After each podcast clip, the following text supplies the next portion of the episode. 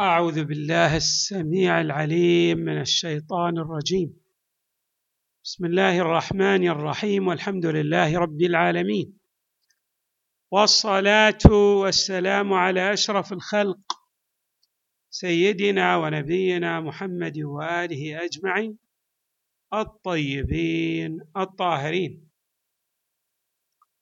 قال الله تعالى أو كالذي مر على قرية وهي خاوية على عروشها قال أنا قال أنا يحيي هذه الله بعد موتها فأماته الله مئة عام ثم بعثه قال كم لبثت قال لبثت يوما أو بعض يوم قال بل لبثت مئة عام فانظر إلى طعامك وشرابك لم يتسنه وانظر إلى حمارك ولنجعلك آية للناس. وانظر إلى العظام كيف ننشزها ثم نكسوها لحما.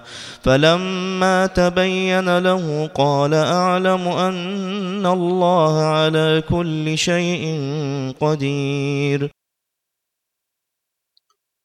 هذه الآية المباركة تتحدث عن المعاد.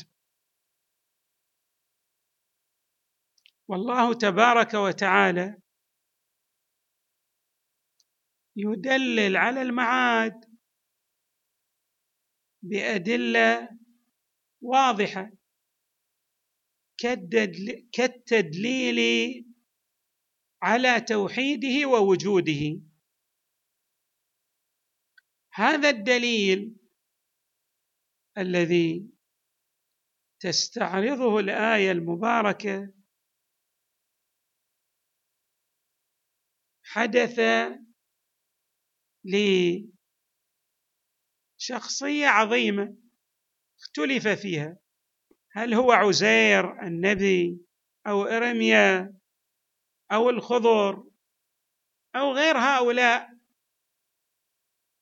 المهم أن هناك شخصية عظيمة حدثت لها هذه الحادثة أثناء سفرها.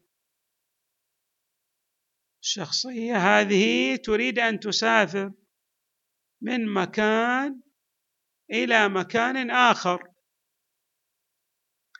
وسائل السفر في الأزمنة القديمة الخيل. والبغال والحمير والإبل وما إلى ذلك من الحيوانات التي يسافر عليها الناس. هذا الرجل الإلهي أو المقرب من عند الله تبارك وتعالى كان يحمل الزاد من الطعام والشراب معه أثناء سفره. ومر على قرية كما يعبر القرآن الكريم خاوية على عروشها.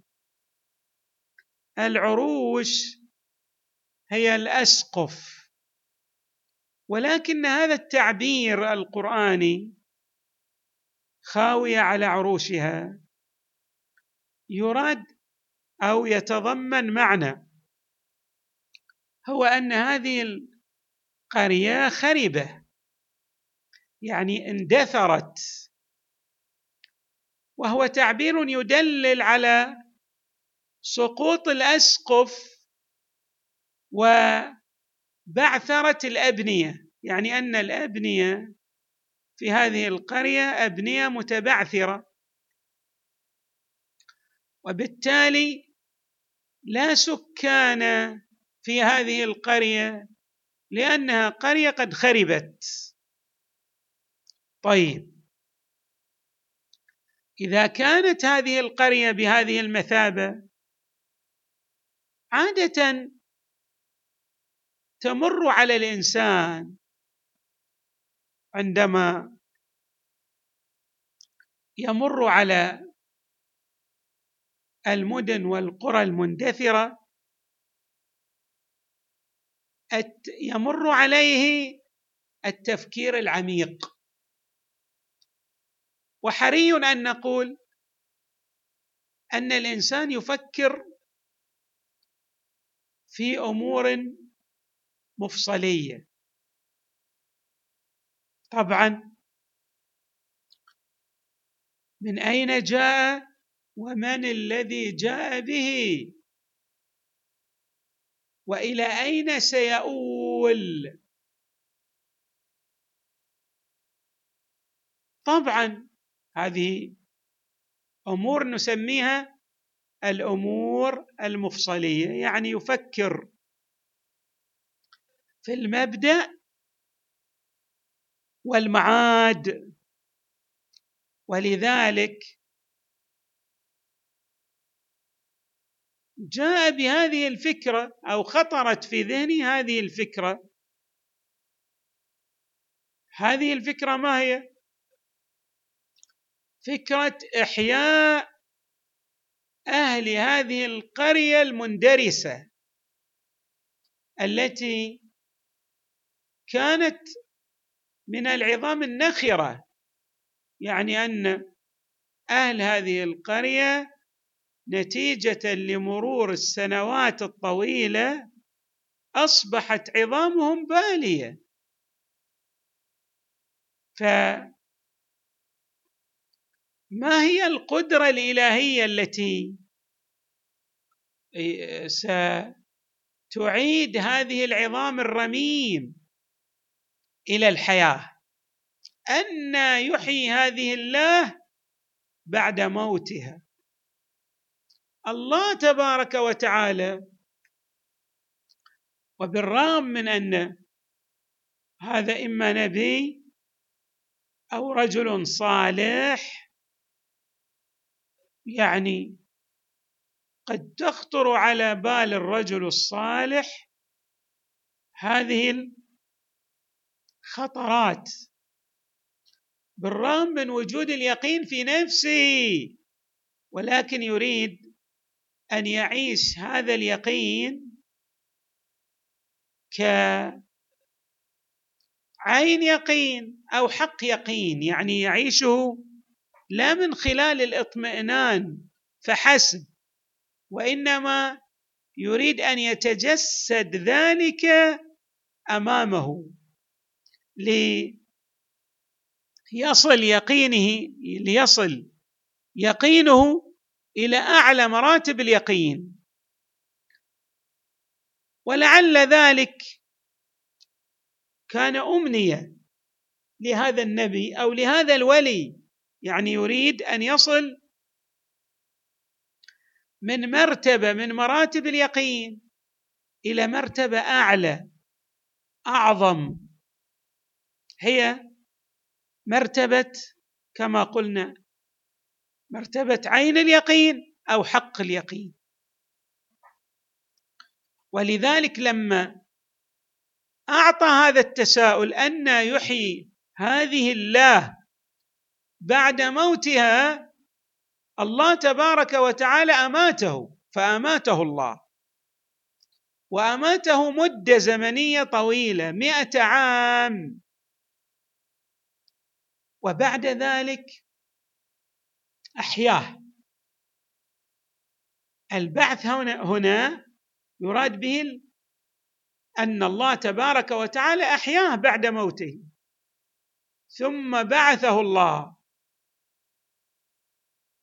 بعد أن ابتعثه الحق تبارك وتعالى طرح عليه هذه هذا التساؤل. يعني هما هو طرح تساؤلا. يريد أن يحصل على إجابة يقينية كما عبرنا. الله تبارك وتعالى جسد له هذا الواقع أمامه وطبقه عليه يعني عليه وعلى ما يرجع إلى شؤونه. بعد أن أماته ثم ابتعثه سأله الحق تبارك وتعالى كم لبثت؟ هو يبدو أن الساعتين الساعة التي أميت فيها تختلف الساعة نريد بها الزمان تختلف عن الساعة التي ابتعث فيها. هنا نلحظ كم لبثت؟ قال لبثت يوما أو بعض يوم. يعني يتصور انه نام نوم يوما كاملا ولعله التفت إلى فارق الوقت فعبر لا لعل ذلك أقل من يوم. ولكن جاءت الإجابة من عند الله تعالى على أن المدة التي لبثتها أيها النبي أو أيها الولي. هي مدة طويلة هي مائه عام. وعليك أن تنظر إلى بعض من آثار قدرة الله تبارك وتعالى عليك وعلى ما يمت إليك بصلة. ما هو عنده؟ هو عنده الحمار والطعام والشراب. ووجوده. فاذا عندنا طعامه شرابه حماره وهذا النبي أو الولي بنفسه. الله تبارك وتعالى بعد أن أخبره بأنه لبث مائه عام قال فانظر إلى طعامك وشرابك لم يتسنه. لم يتسنه في اللغة يعني لم تمر عليه سنة. وهذا يقال هذا تعبير عربي. يعني باصطلاحنا إحنا الآن لعل بعض التعبيرات تتناول. نقول هذا مر عليه سنة أو أكثر يعني مرت عليه يعني هذا الشيء مرت عليه مدة طويلة. ويعبر عن ذلك بالنسبة للأغذية التي تفسد. وهذا المعنى لم يتسنه يراد به يتضمن آه معنيين. يعني ما مرت عليه آه مدة طويلة كأن نقول ما مر عليه ما مرت عليه سنة وبالتالي لم يتعفن. يعني ما مر عليه وقت طويل.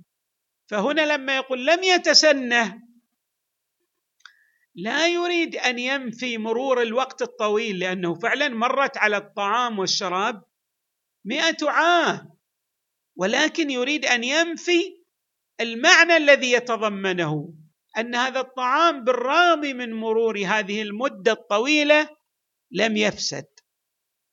يعني ما تعفن. فاذا الطعام والشراب لم يتعفن. بعد بينما الحمار الذي يبقى مدة طويلة أكثر من الشراب والطعام هذا الحمار تلاشى وجوده. يعني اندرست عظامه. فإذا هذا يدلل على عظمة القدرة الإلهية. الحمار يسير الوقت معه على وفق القوانين الطبيعية ولذلك تتحلل أجزاؤه و تنتخر عظامه. أما الطعام والشراب فيبقى على حاله دون أن يصيبه العفن. يعني ما اخترب الطعام ما زال غضا طريا الطعام. والشراب ما زال على حاله. طيب ما هو الهدف لهذه الآية المباركة؟ الهدف التدليل على قدرة الله المطلقة في بعث الناس في على أمر المعاد في ابتعاث الناس وفي رجوع الناس بعد موتهم مرور ماذا؟ واندثار عظامهم. لكن الله تبارك وتعالى يعيد تلك العظام الرميم يعيدها ويحشرها إليه ليحاسب المحسن ويجازيه بإحسانه ويحاسب المسيء ويجازيه بإساءته. ولذلك الله تبارك وتعالى هنا قال وانظر إلى حمارك ولنجعلك آية للناس. لكل شخص يريد أن يفكر تمر عليه هذه الآية سوف يستوعب مسألة القدرة الإلهية المطلقة التي ترجع هذه العظام النخرة إلى الحياة مرة أخرى. ثم يقول وانظر إلى العظام يعني عظام حمارك. كيف ننشزها؟ ننشزها يعني ماذا؟ نرفعها. ثم نعيدها نعيد لها اللحم ثم نكسوها لحما. هذا النبي أو الولي لأنه على يقين بقدرة الله المطلقة هو مصدق. يعني مرور الخاطره في الذهن لا يعني أنه لا يصدق بالمعاد. ولذلك أفصح عن إيمانه وعن تصديقه بالمعاد. لكن لاحظوا هنا جمع بين معنيين. يعني لما جسد له الحق تبارك وتعالى ذلك في عالم الواقع هو قال أعلم أن الله على كل شيء قدير. يعني كان يعلم في السابق. ولا زال على علم وأن تلك الخاطرة لم تزلزل يقينه ولكن يريد أن يصل إلى مرتبة من العلم كما عبرنا. أكبر أعظم أدق التي عبرنا عنها بعين اليقين أو حق اليقين. والحمد لله رب العالمين وصلى الله وسلم وزاد وبارك على سيدنا ونبينا محمد وآله أجمعين. الطيبين الطاهرين.